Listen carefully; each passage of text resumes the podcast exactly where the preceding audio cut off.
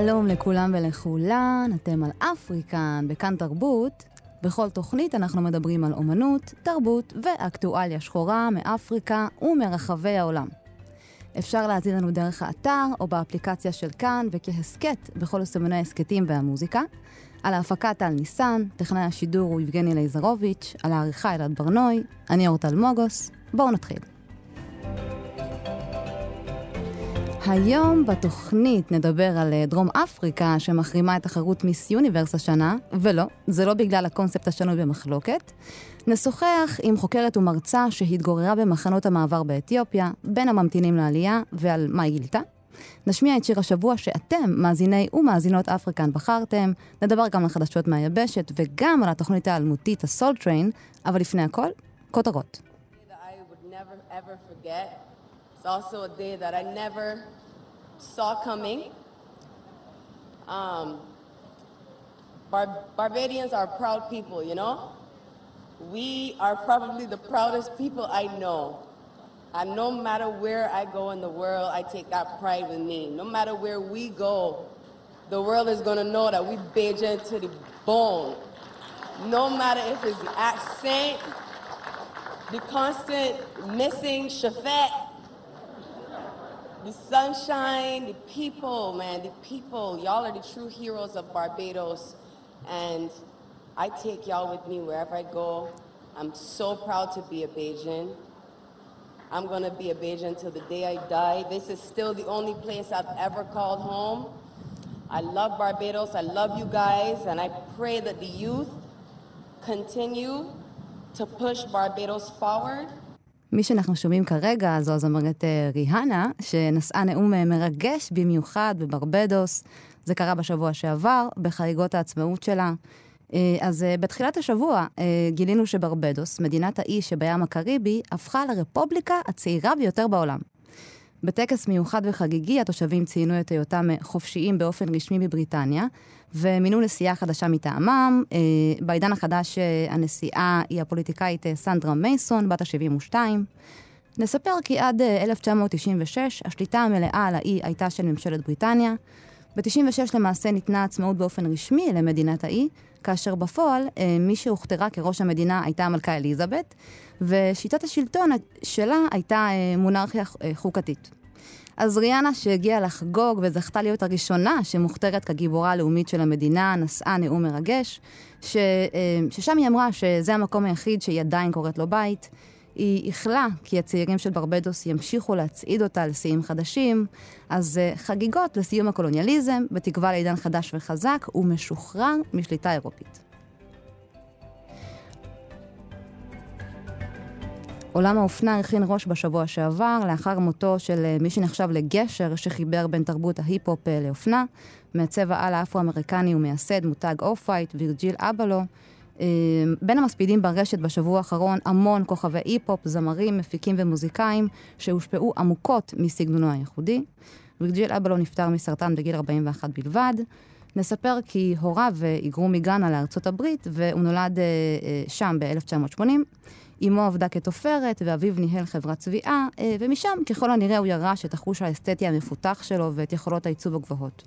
הוא בכלל למד מדעים והנדסה בתואר הראשון שלו, אבל הוא לא הפסיק להימשך לתחום של אה, העיצוב אה, והאדריכלות. הוא היה לאמריקני השחור הראשון שהיה למנהל האומנותי בבית אופנה יוקרתי בצרפת. אה, ואת קניה ווסט הוא פגש הרבה לפני בשיקגו, ואפילו היה אחראי לעיצובים של כמה מאלבומיו, והאלבום האחרון, דונד, הוא היה אמון על העיצובים שלו. והוא לא הסתפק רק בזה. הוא ביים גם קליפים לראפרים מהשורה הראשונה, כמו ליל עוזי, חלקם אפילו יזכרו אותו בכמה מהשירים שלהם. בשנת 2018 הוא הוגדר על ידי מגזין טיים כאחד ממאה האנשים המשפיעים ביותר בעולם. האסתטיקה העיצובית שלו שילבה בין בגדי רחוב לביגוד, לביגוד אה, יוקרתי, מה שהקנה לו מעמד ותהילה גבוהה ביחס למקצועו. אה, כל החולצות השחורות של האיקסים שאתם מכירים, זה הוא. אה, אז הוא נחשב למעצב באמת מעורר השפעה והשראה, נגע בנושאים חברתיים בליינים השונים שעיצב, מהגירה, חברה ועוד. ויהי זכרו ברוך.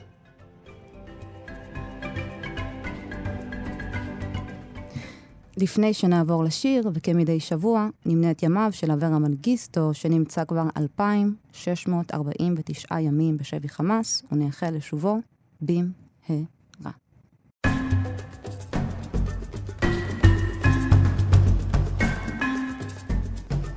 אפריקן, כאן תרבות.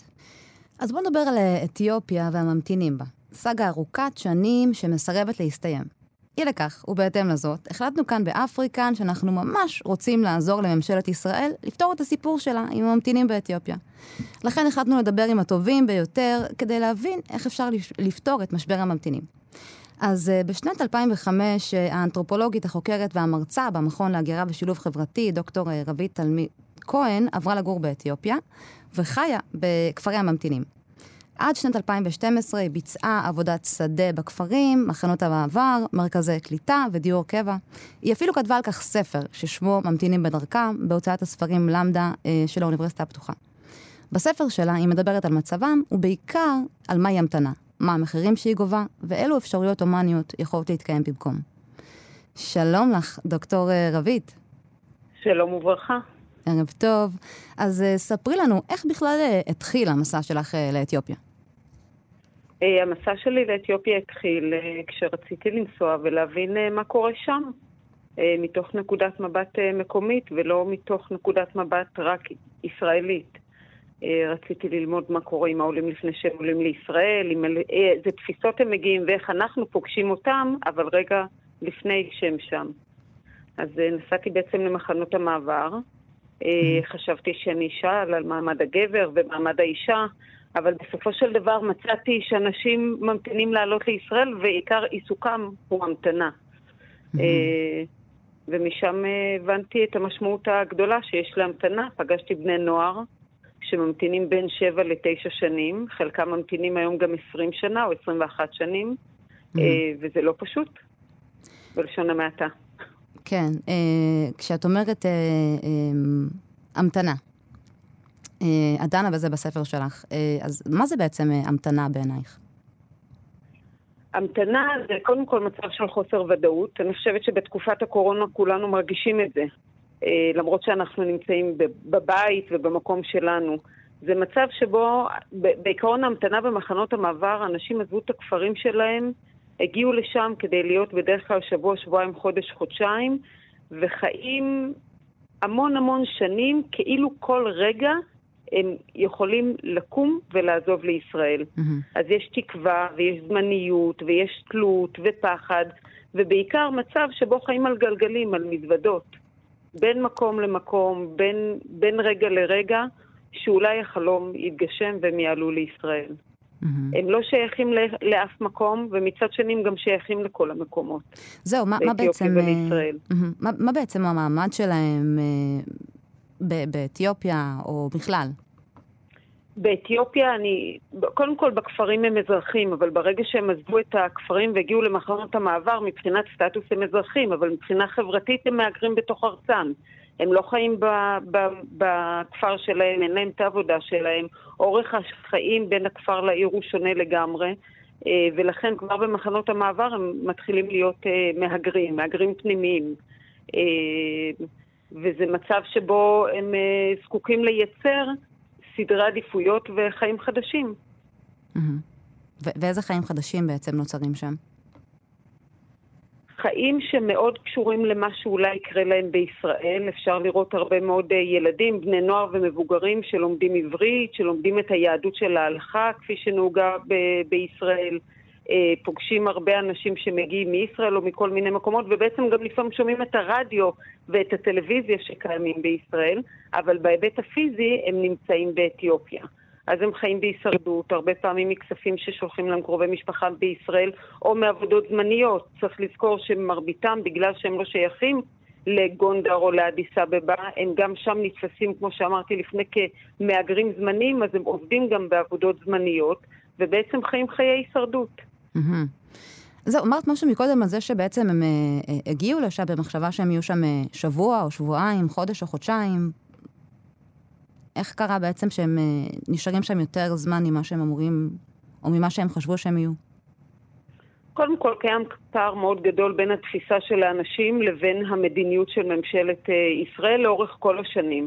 אפשר, אני חקרתי מ-2005 במחנות המעבר, אבל אם עושים סקירה, נגיד מ-1000 לאחר 1991, לאחר מבצע שלמה, אפשר לראות כרוניקה של מדיניות מעורפלת מאוד לגבי uh, הממתינים עצמם והיחס של מדינת ישראל או ממשלת ישראל למחנות המעבר uh, באתיופיה. Uh, אז הם היו שם בעבר וגם היום לסירוגין נציגים של מדינת ישראל. אה, שבודקים את הזכאות לעלות לישראל, והמחשבה היא שזה יקרה כל רגע, ואפשר להסתכל שיש לנו מבצע, מדי פעם מעין מבצעים קטנים mm-hmm. כאלו, שמעלים 2,000-3,000 אנשים, וכל השאר ממשיכים לחכות ולהמתין ולחשוב שעוד רגע הם יגיעו לישראל. Mm-hmm. את, את, אה, אז אנחנו דיברנו על זה קצת בינינו, ואני קראתי לזה אה, משבר זהות, ואת קראת לזה הבניה של זהות. אז אה, אה, בואי תסבירי, מה זה בעצם אה, הבניה של זהות? אמ, אם אנחנו מסתכלים בכלל על תהליכי הגירה ועל תהליך העלייה הספציפי הזה, הרבה פעמים אנחנו מתייחסים לעולים ככאלו שהגיעו מארץ מסוימת שמתאפיינת בתרבות X לארץ אחרת שמתאפיינת בתרבות Y, למשל ישראל ואתיופיה. אבל ישראל ואתיופיה לא מנותקות. יש הרבה מרחבים משותפים. כשאני נמצאת שם, אני שומעת על ישראל ואני יודעת מה קורה בישראל, וכשאני נמצאת בישראל אני בקשר יומיומי עם מה שקורה באתיופיה. Mm-hmm. ומהעולים שעוברים ממקום למקום בעצם מייצרים להם מרחבים משותפים ששייכים גם לארץ המוצא וגם לארץ היעד וגם למקומות שונים אה, בעולם. אה, אנחנו הרבה פעמים מדברים על משבר זהות או על, על הקשיים שקיימים ב, ב, אה, בעלייה, אבל אני ראיתי הרבה מאוד כוחות והרבה מאוד דברים חיוביים. אנשים שמצליחים לגייס את עצמם יום-יום ולהבנות חיים חדשים, עם שמחת חיים, עם אירועים, עם פעילויות, ולהגשים את עצמם ולייצר איזשהו אה, אה, מרחב משותף של אתיופיה וישראל, זה לאו דווקא משבר, mm-hmm. אלא הרבה פעמים הבניה מחודשת ויצירה של דברים חדשים. אז שוב, אנחנו מסתכלים על בני נוער ככאלו שחווים משבר ומבוגרים שחווים משבר, לא, אבל הם הגיעו עם המון מטענים אה, שקשורים גם למה שאני מגדירה התרבות של ההגירה, כי כל המהגרים בעולם חווים חוויות משותפות, ומתוך זה הם ממשיכים אה, הלאה. כן, הם, הם חווים חוויות שונות, הם אה, דומות, אבל אפשר להגיד שבאף מדינה בעולם אין משהו כזה, זאת אומרת, אין מחנה מעבר. לגמרי, ההמתנה, אין... מחנות ההמתנה של, של הממתינים באתיופיה בהקשר של מדינת ישראל זה מקרה מאוד מאוד ייחודי. אנחנו כן מכירים עולים שמגיעים ולא תמיד יכולים ישר להגיע, אבל אין, אה, לא קיימת קבוצה אה, שצריכה להמתין כל כך הרבה שנים כדי לעלות לישראל. וזה בהחלט מקרה שמבטא משהו. בסוף הספר אני כותבת שאחרי כל המסע שאני עברתי, כישראלית, לבנה, שנולדה בישראל וגדלה בישראל, ובעיקר נסעתי לאתיופיה כדי לחקור מה קורה שם ומה קורה פה, mm-hmm. בסופו של דבר אני מבינה מהם הגבולות שלנו כמדינת ישראל. את מי אנחנו מגדירים כשייכים, את מי אנחנו מגדירים כזרים, ואת מי אנחנו, מה שנקרא, מגדירים בתחתית ההיררכיה, ובהקשר הזה, ביחס לעולים, אנחנו הרבה פעמים מדברים על זרע ביתי ישראל. ולכן, בין היתר, נוצרו גם מחנות המעבר, והם משתמרים כל כך הרבה שנים. אבל אם אני מסתכלת על המשותף, כל העולים, מגיעים לישראל אחרי, עם רצון משותף וכמיהה לישראל. ויש לזה הרבה ביטויים, אלו יכולים להיות ביטויים דתיים וציוניים וביטויים של קרובי משפחה שהגיעו לכאן וכו' וכו' וכו'. אז uh, הרבה מן המפריד, אך לא פחות מכך מן המשותף. וחבל שבמדיניות אנחנו בעיקר ולא רק במדיניות, גם בחוויות ובחברה הרבה פעמים אנחנו מסתכלים על מה שאיננו ולא על מה שנמצא mm-hmm. או משותף ומחבר בינינו. אז אה, שאלת uh, סיכום, uh, ככה, שאלה קצת קשה, אבל uh, מה, מה הפתרון uh, הטוב ביותר לדעתך? הדבר הראשון זה לקחת אחריות.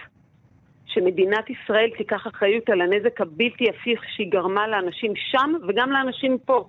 כי אם אני אימא בישראל ויש לי ילדים באתיופיה, לי כאזרחית מדינת ישראל נגרם נזק גדול מאוד בחוויית החיים שלי.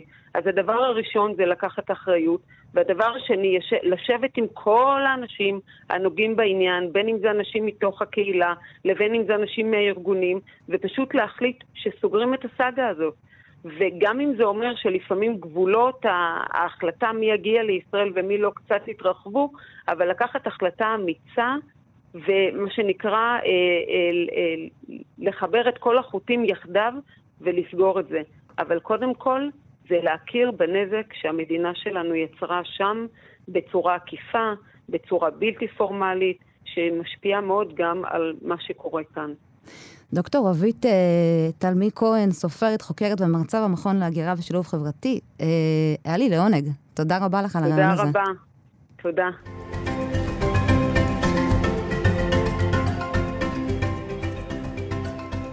אפריקן, כאן תרבות, אז תחרות מיס יוניברס העולמית מתקיימת השנה בישראל ומעוררת הרבה עדים. לרוב ביקורות אה, לגיטימיות אה, של פעילות פמיניסטיות שלא ממש מבינות איך בשנת 2021 ממשיכים לשדר לנשים ולנערות את אותו מסר מיושן. אבל בין הקולות יש עוד ביקורת מעניינת מאוד שמחרימה את ישראל ולאו דווקא בגלל התחרות. מדינת אה, דרום אפריקה הכריזה שהיא מחרימה לגמרי את אה, תחרות מיס יוניברס הנערכת בישראל, מכיוון שלדבריה ההתנהגות והמוניטין הנוכחיים של המדינה משקפת היסטוריה שאנו מכירים מדי. אז מיס דרום אפריקה ודרום אפריקה סירבו להגיע לישראל להשתתף בתחרות. בין הביקורת נאמר כי הדרכים שבהן אה, התייחסה ממשלת ישראל לערים, לתרבות ולאנשים פלסטינים עמדו במובנים רבים בתיאור של המדינה את מה שמרכיב משטר אפרטהייד. איתי על הקו צאי הגוס, אה, סטודנטית אה, לתקשורת ורדיו במכללת ספיר, ואיתה אנחנו נצלול לסיפור המעניין הזה. אז שלום לך, צאי. היי, שלום אורטל. שלום, ערב טוב. אז אה, תסביר לי, מה, מה בעצם הסיפור של דרום אפריקה? מה קורה עם מיס דרום אפריקה? אוקיי, okay, אז בעצם uh, מיס uh, דרום אפריקה באמת זכתה, הפכה להיות זאת שמייצגת את המדינה בתחרות הזאת, שאפשר להגיד uh, שהיא קצת שנייה במחלוקת, אולי קצת הרבה. ומהרגע בעצם שהיא זכתה בהבינו שהתחרות הולכת להיות בישראל, באילת, אז היא זכתה לביקורות נוקפות. בהתחלה היא באמת רצתה להשתתף דווקא, להיות חלק מהתחרות, ואמרו לה שהיא לא יכולה בגלל שזה בישראל, אה, וישראל אה, ציפתה ממדינת אפרטהייד, ולכן הם, הם רצו, דרשו ממנה שתחרים את התחרות. אגב, הם פנו, הממשלה פנתה גם לתחרות עצמה, למארגנים של התחרות, ואמרו להם שיוחצו אה, על מיס דרום אפריקה שלא תגיע להשתתף בתחרות. אה, חשוב להגיד להגנת אה, התחרות שהם דווקא אמרו שהם לא מערבים פוליטיקה אה, ב- ב- בארגון של התחרות, כי זה לא המהות. אה, בסוף, אה, את יודעת, כאילו, קצת נכנעו ללחצים, אבל היה קושי מאוד גדול, זה עצר גם ביקורות ברשתות החברתיות, אבל גם דרך הממשלה, כאילו הממשלה ממש לחצה שזה לא יקרה, שלא, שלא יהיה ייצוג של דרום אפריקה בישראל. אז זאת אומרת שבעצם אה, היא רצתה להשתתף בתחרות אה, בהתחלה, אבל אה, בגלל הביקורת שהפעילה מי בעצם הפעיל עליה את הביקורת הזו? הממשלה? אה, תושבים? אז זה היה גם וגם. אה, היו המון ביקורות ברשתות אה, החברתיות אה, כיאה לתקופה שבה אנחנו חיים, mm-hmm. על זה שאיך אפשר בכלל להשתתף אה, בתחרות שנעשית במדינה שבה מדכאת מיעוטים, אה, ואוכלוסייה שכזה פוגעת, כאילו אוכלוסיית הרוב פוגעת.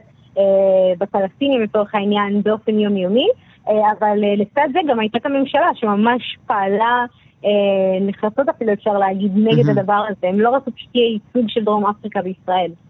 אז בוא נדבר רגע על יחסי ישראל ודרום אפריקה המוקדמים. יש, יש פה איזשהו פצע, אפשר להגיד.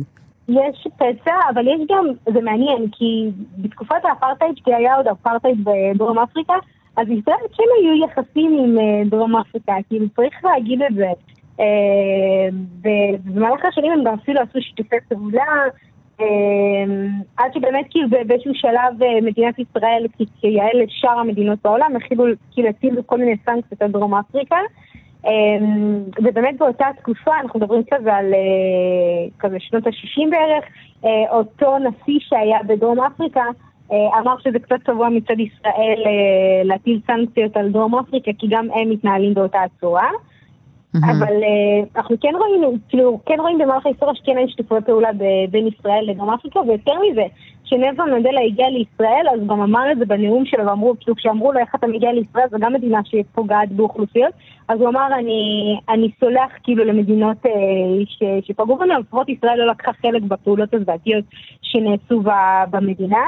אה, ובאמת אנחנו רואים גם שבהמשך היחסים אפילו עוד החריפו, זאת אומרת, אחרי, לדעתי מ-2012 בערך, דרום אפריקה עצמה התחילה להטיל סנקציות על ישראל, התחילה לסמן כל מיני מוצרים שכזה יוצרו מחוץ לקו הירוק, mm-hmm. הם לא, לא מוכנים שיגיעו לכאן ביקורים משמיעים, אה, אפילו כשנשיא, אה, הנשיא לשעבר, שמעון פרס, אה, זכרו לברכה, היה בדרום אפריקה, אז גם היו כל מיני מחאות במדינה. על זה שכאילו הנשיא מגיע ל... כן, למדינה. Mm-hmm. אה, ואם נסתכל על אה, דרום אפריקה, האם זה לא צבוע, אז באמת שאלה אה, ככה, האם זה לא צבוע שמצד אחד היא זועקת על אפרטהייד, ומצד שני היא שלחה איזושהי אישה להשתתף בתחרות שמסתכלת על נשים כמוצר יופי? אמ, זו שאלה, כאילו, לדעתי כן, חד משמעית כן, כאילו מצד אחד אנחנו צועקים כנגד דיכוי של אוכלוסיות מסוימות, ובמובן מסוים גם בצדק, כאילו זה בסדר, זה בסדר שהם צועקים את זה בייחוד עם ההיסטוריה שיש להם, אבל כאילו מה קורה עם נשים? זה לא בסדר לצעוק את, את הצעקה הזאת של נשים ושל ילדות שמסתכלות על תחרויות כאלה ועדיין מודדות את היופי שלהם בהשוואה לאיזה חוקים מיושנים של איך יופי אמור להיראות, של רזון מסוים, גובה מסוים, סטטוס. אמ, אז לדעתי כן, כאילו אני חושבת שיש פה איזשהו רצון אה, קצת לעשות סדר אל מול ההיסטוריה שלהם, אבל מה קורה עם שאר האנשים שנמצאים במשטרה? זאת אומרת, מה עם הנשים שנמצאות בחברה? מה המקום שלהן? אה, אז לדעתי אין פה איזושהי מחשבה מעמיקה. אני חושבת שכאילו אולי קצת נוח להחרים את ישראל במובן מסוים. אה, עוד אקט אה, קצת נוח שנעשה בשבוע האחרון, אה, ישראל, בניגוד לשאר המדינות בעולם, קבע שכל אפריקה אדומה, בגלל הזה הזן הווריאנט הדרום אפריקני. איזה ביקורת הייתה על כך? אז היה, היו המון ביקורות, בעיקר של היסטוריונים או כאלה שמתעסקים ביחסים שבין אפריקה לישראל. אה, שאמרו שיש אה, משהו אולי, תיאטרוני אפילו מתנשא בזה שישראל מחליטה להכין את כל אפריקה ולא את המדינות הספציפיות באפריקה שבהן יש את, ה, את הזן הזה. ובצדק אגב כי יש אנשים שמגיעים ממדינות שדווקא בסדר כאילו אין את הזן הזה ואין אה, ואת יודעת גם בסופו של דבר דברים שאפשר לבדוק. גם במדינות באירופה יש מקומות שהם יותר אדומים ממדינות אחרות ועדיין לא החרימו את כל אירופה אז אני חושבת שזה שוב פעם נופל למקום הזה של נוח להחרים את אפריקה, כי בוא, בוא לא נתאמץ יותר מדי, זה אפריקה, למי אכפת? אמ, ולדעתי כאילו זה שצבעו את המדינה באדום זה אפילו קצת סימבולי, כאילו... אמ, תסבירי. כאילו זה, העניין הזה של לא, לא להתאמץ יותר מדי, זאת אומרת, אוקיי, זה שחורים, בוא, בוא, בוא, בוא, בוא לא נגדיל ראש. זה קל כזה לדכא אותם במובן מסוים, אז יאללה בוא נעשה את זה, אף אחד לא יתאמץ, אף אחד לא באמת יגביל וכזה יחשוב מעבר. אז לדעתי, לתחושתי זה פשוט היה להם מאוד נוח בבחינה הזאת. עכשיו, זו לא הפעם הראשונה שדרום אפריקה אה, עושה צעדים אה, חריפים כאלו נגד ישראל. נכון. אה, היה איזשהו אירוע, אה, פסטיבל קולנוע, ששם נאסרה השתתפות של קולנוען ישראלי. את תוכלי להרחיב. על זה? נכון. כן, בטח. בחודש מאי האחרון יש אה, פסטיבל אה, קולנוע בינלאומי שקורה שם, ובעצם הם ביטלו את ההשתתפות של הקולנוען יקי איילון, שהלך לייצג בעצם את הסרט ארץ עיר, והוא קיבל מכתב ממש יום לפני היום, או באותו יום של, ה, של הפסטיבל, הוא קיבל מכתב שבו הם לא מוכנים שהוא ישתתף. אה, כי הם לא מוכנים, אה, שכאילו מדינה שלא מייצגת את הערכים שלהם, ערכים של כבוד וזכויות אדם, תהיה מיוצגת בפסטיבל הזה. אה, שזה כאילו קצת עצוב, כאילו מבחינתם הם מחרימים את ישראל בכל דרך אפשרית, גם מבחינה תרבותית, ו... וזה קצת באסה, אני חושבת שגם באסה בשבילו שהוא כזה עבד מאוד מאוד קשה וזו הדרך שבה הוא מקבל אה, את ההשתתפות שלו, וגם כי אני מאמינה שצריך להוציא אמנות מחוץ לתחום. אה, אני חושבת שאומנות אולי זה אפילו דרך שלנו לבטא אה, ביקורת נגד דברים, וקצת באסה שפועלים כאילו בצורה הזאת. אז אה, איזה, איזה דרכים אה, לדעתך יכולות ל, ל, להתקיים אה, ביחסים, דרכים חיוביות ביחסים הישראלים, הדרום אפריקנים? אני חושבת שבאמת כל העניין הזה של אומנות צריך לצאת החוצה. כאילו ברור שאנחנו חיים, אנחנו לא תמידים, אנחנו כולנו חיים במדינה, אנחנו יודעים מה האקלים כאן, אה, ואנחנו גם יודעים מה ההיסטוריה של דרום אפריקה, אז אפשר לנסות להבין מאיפה זה מגיע אצלם. אבל כל מה שקשור לאמנות לדעתי צריך להיות בצד, כאילו, אפשר לנהל מערכת יחסים אה, בריאה גם בלי, בלי כל האלמנטים הפוליטיים. אז אני חושבת שכל מה שקשור לזה ולביקורת של המדינה צריך להיות פשוט בצד. אז אה, האם משהו ביחסים אה, הישראלים אה, והדרום אפריקנים עתיד להשתנות לדעתך? אין לדעת, אני חושבת שבייחוד אחרי המבצע האחרון, שומר החומות, mm-hmm. אה, שפתאום כולם צעקו, זה הפך להיות אפילו קצת אה, מגניב לצאת נגד ישראל, כאילו בוא נמחק את ישראל, בוא נבטל את ישראל. אה, תרבות הצלילה הזאת שיש עכשיו, כאילו to cancel Israel, כאילו לבטל אנשים, תרבות הביטול, היא לגמרי פופולרית עכשיו, ובקלות אפשר כזה לפסול אנשים, ואני חושבת שלדעתי זה לא הולך להשתנות בקרוב, הלוואי ואני טועה, כן? אבל לדעתי השיח הזה הולך אולי אפילו רק ילך ויחרים. אה, כאילו וזהו, ואני חושבת שזה מה שהולך לעתיד לקרות. אז אנחנו נקווה שאת יודעת, אה, כמו שמיס אה, דרום אפריקה ככה כן רצה לעשות את הצעד הזה ונבלמה שעוד אנשים אמיצים כן. אולי יקומו ויעשו את הצעד הזה, ישראלים, דרום אפריקנים, קדימה. כן. אני רק חשוב לי להגיד שבפסטיבל הזה שיצי איילון היה בו, אז המארגנים של הפסטיבל כן ביקשו ממנו את חשבון הפייפל שלו כדי לזכות אותו במנוי לפסטיבל. אז כאילו, אני, כזה ניסו כזה לנחם אותו כנראה, אבל לא נראה לי שזה אותו הדבר. אה, אבל זה איזשהו צעד כזה נחמד מצידם, עם כל הרע שהיה בתוך הדבר הזה. כן, אז אנחנו uh, נאחל עליה ימים טובים. Uh, צאי, הגוס, uh, תודה רבה לך. תודה רבה. תודה לכם, להתראות, ביי ביי.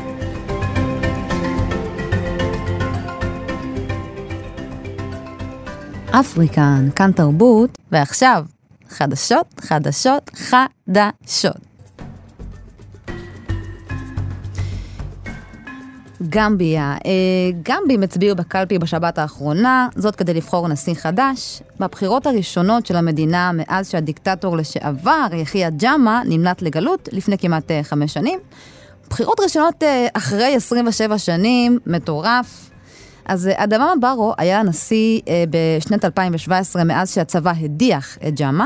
נזכיר שג'אמה שלט ביד ברזל על התושבים אה, למשך 22 אה, שנים, ולמרות הבחירות הלכאורה דמוקרטיות, הם די מודאגים שהוא עלול לחזור, אה, יש לו עדיין הרבה מאוד תמיכה במדינה המערב-אפריקנית, ועורכי הדין שלו מוכנים לבואו. אז uh, התושבים במדינה מייחלים לשיפור בתנאי חייהם. Uh, חשמלאי בן 27 שמתגורר ליד הבירה בנג'ול, סיפר uh, כי הוא נאבק לשרוד. בבחירות השנה מתמודדים חמישה גברים, אבל uh, המועמד הנחשב uh, ביותר, או כמובן uh, אוסיאנו uh, דרבו מהאופוזיציה, שהתמודד uh, נגד יחיא מספר פעמים בעבר, ונכשל. כרגע, לפי התוצאות, uh, ברו מוביל בפער על שאר המתמודדים, אנחנו נמשיך לעקוב.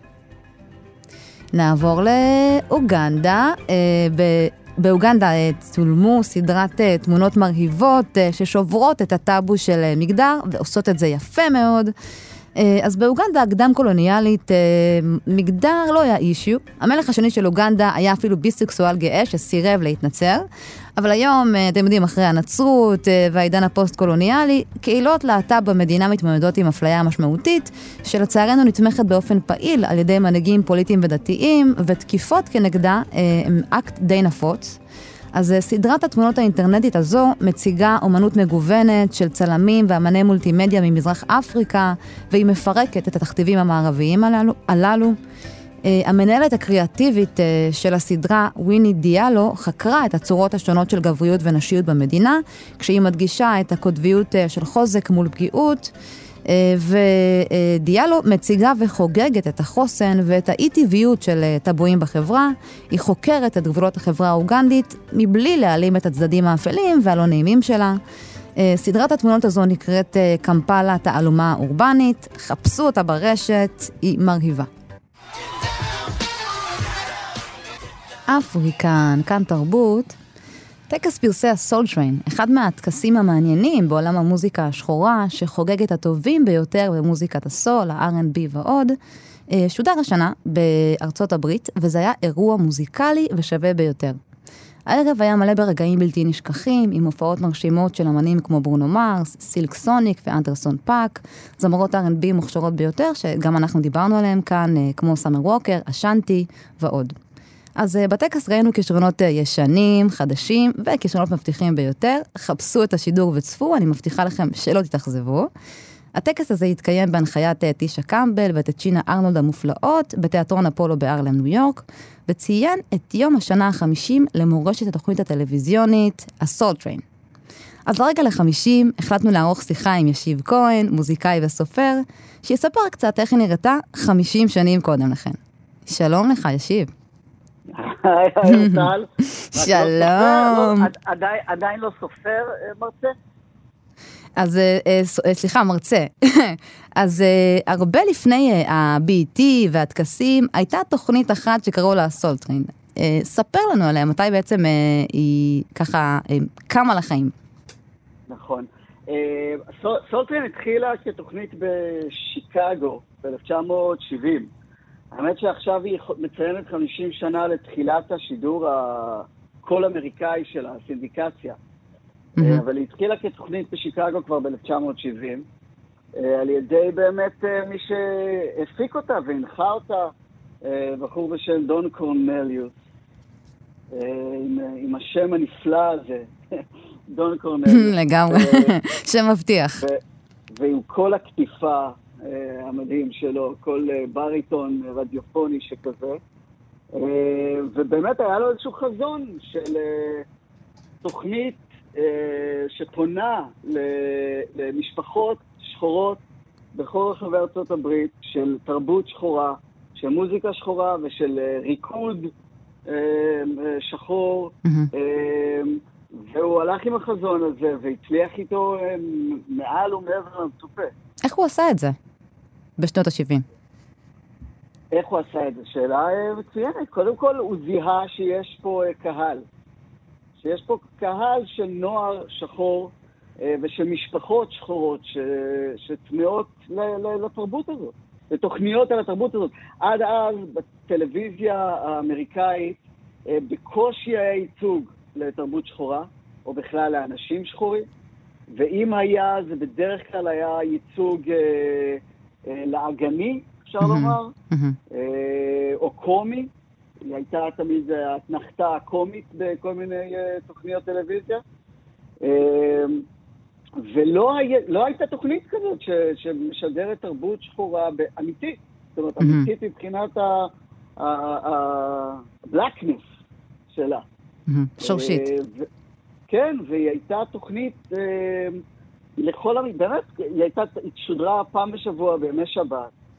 היא הייתה מין אה, מדורת השבט השחורה, או מדורת השבט השחור. אה, ומשפחות היו נאספות ביום שבת מול אה, מקלט הטלוויזיה וצופות בסולטרן. אה, והוא זיהה את הקהל הזה, וזה באמת הצליח. וגם אה, זה הביא אחריו ספונסרים.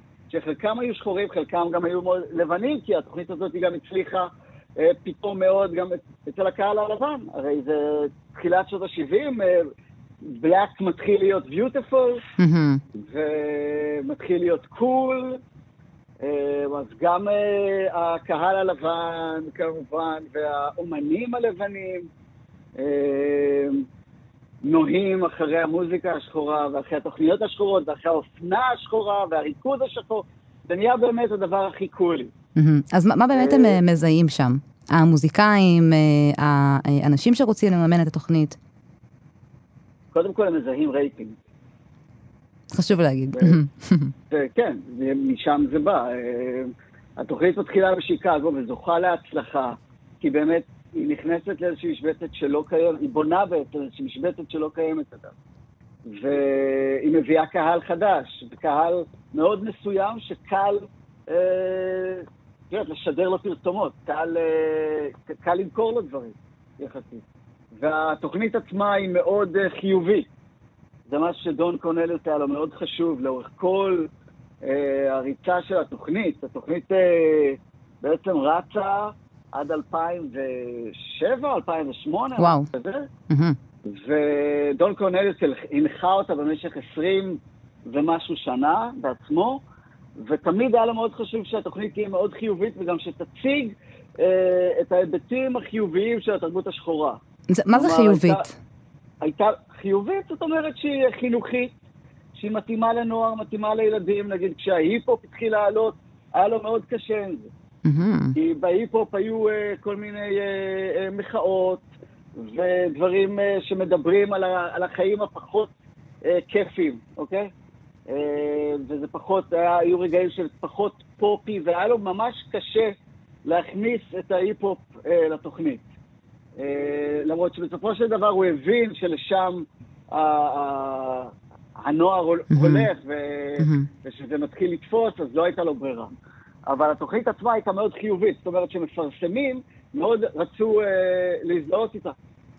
אה, והמפרסמים באמת הגדולים אה, קפצו על, ה, על, ה, על התוכנית הזאת מההתחלה ושמו שם אה, אה, גם אה, תקציב גדול, והתוכנית מאוד מאוד הצליחה ב- בעשור הראשון שלה, אה, בצורה באמת שלא הייתה עד אז. וגם חשוב, חשוב להזכיר שזאת הייתה תוכנית אה, שהיא לא רק אה, הראתה את התרבות השחורה, אלא גם הייתה בבעלות שחורה. mm-hmm. חברת ההפקה של דון קורנליוס, שהוא בעצמו איש, אה, איש שחור, והיה לו מאוד חשוב אה, להנחיל את התרבות השחורה הזאת. איזה אמנים אה, ככה מיוחדים אה, פרצו מתוך התוכנית? אני לא יודע אם פרצו, כי בדרך כלל כשמגיעים לשם זה כבר אה, אומנים שנכנסים למצעדים. אבל היו שם אה, אומנים שהיו מאוד מזוהים עם, ה, עם התוכנית, אה, למשל אה, גלדיס נייט, אל גרין, היה שם כמה פעמים, סטיבי וונדר, בכלל כל האושיות הגדולות של, של שנות ה-70, מרווין גיי כמובן, מהמם. הגיעו לשם, ו- אבל גם, זה, העניין הוא שגם אמנים לבנים, מאמצע ה-70's, האומן הלבן הראשון שמוזמן אה, להופיע אה, ב Soul Train הוא אלטון ג'ון.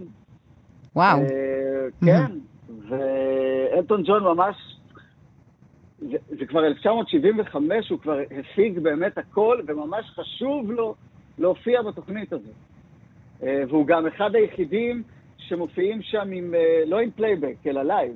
זה מהמם. ממש, ממש חשוב לו. ואחרי זה גם דיוויד בואי מגיע בתקופת הסול שלו. אה, אז זה אומר, זה, זה, זה קרץ מאוד גם, ל, גם אה, לאומנים הלבנים. זה היה איזשהו סוג של אה, אה, סטמפה, איזושהי גושפנקה אה, להופיע Mm. בתוכנית הזאת. מהמם. מעניין. אה, האם אה, דון אה, קורנליוס אה, הצליח להשיג את המטרה שלו, לדעתך? שכן, בהחלט. מאוד מאוד. אני... תראי, המטרה שלו הייתה מעבר להצלחה ה- הכלכלית, שכמובן אה, זה הלך לו, אה, באמת להנחיל את התרבות. וזה נהיה, נהייתה תוכנית באמת שהייתה מאוד מוכרת. בבתים שחורים היא הייתה תוכנית אה, קבועה שצופים בה. אה, והיא באמת הכתיבה איזשהו סדר יום מוזיקלי, והכתיבה אופנה, אופנת לבוש של ה-70's, אה, ו- וריקוד. אז אני חושב שכן. האם התוכנית הצליחה להשפיע על אה, חיי אה, אה, שחורים, אתה יודע, לא רק בתחומי תרבות, מוזיקה? אני, זה, זה מאוד, זאת שאלה טובה. כי תראי, מצד אחד, התוכנית הזאת כן מביאה את התרבות השחורה. אל, אל, ה- אל, ה- אל המסך, משהו שלא היה עד אז. מצד שני, באמת מביאה אותה באיזושהי אה, צורה קצת חלבית. נאמר. מסוננת אפילו, אפשר להגיד. מסוננת, אה, הייתי אומר אולי אפילו קצת מולבנת. וואו. אה. כדי, כדי שבאמת שגם הקהל הלבן, או הקהל המפרסמים, שברובו לבן, יוכל אה, לעכל את זה. וגם זה מה שדון קורנליס עצמו האמין בו. דון קורנליס היה איש שמרן, הוא לא היה איזשהו מהפכן גדול, אבל כן חשב לו שהקול השחור יישמע. אז אנשים שיגידו, התרבות השחורה צריכה להביא משהו חדש ושחור לחלוטין, שהוא אה, הפוך אה, לתרבות הלבנה, ולא לשחק את המשחק הזה אה, של התרבות הלבנה, אז אולי יגידו אה, שהוא לא הצליח. אבל. אני חושב שגם הוא וגם אה, רוב העולם יגיד לתוכ... התוכנית הזאת היא מאוד חשובה, וכן הביאה את התרבות הלבנה אה, לאיזושהי מודעות שלא הייתה, לא הייתה קודם. אז אה, ישיב כהן, אה, תודה רבה לך על הרעיון הזה, אה, מוזיקאי ומרצה. בשמחה. תודה רבה. בשמחה. אני רוצה, באמת, יש הרבה מאוד קטעים של Soul Train ב- ביוטיוב. אני, קהל המאזינים, תעשו לעצמכם איזה ערב של, של Soul Train, יש שם דברים מדהימים. Yes. גם, גם מוזיקלית, אבל לא רק. לגמרי. בכלל של כל התקופה. לגמרי, ועם המסר האופטימי הזה אנחנו אה, נסיים. תודה רבה לך, ישיב. תודה, תודה. ובזאת נסיים. אנחנו הגענו לסוף התוכנית. אני רוצה להודות לכל המרואיינים והמרואיינות שהיו לנו היום בתוכנית, למפיקה טל ניסן, לטכנאי יבגני לזרוביץ', לעורך אלעד ברנוי, אני הייתי אורטל מוגוס. אתם יכולים ויכולות להזין לאפריקן בכל יום רביעי בין השעות 5 עד 6, בתדר 104.9 FM או 105.1 FM, וכמובן שאפשר להזין לנו גם באתר ובאפליקציה של כאן, ולעקוב אחרינו בפייסבוק באפריקן. יש לנו גם אינסטגרם, חפשו אותנו גם שם, וכתבו לנו על שיר השבוע, או על כל דבר אחר שמעניין אתכם. תודה רבה, ועד הפעם הבאה.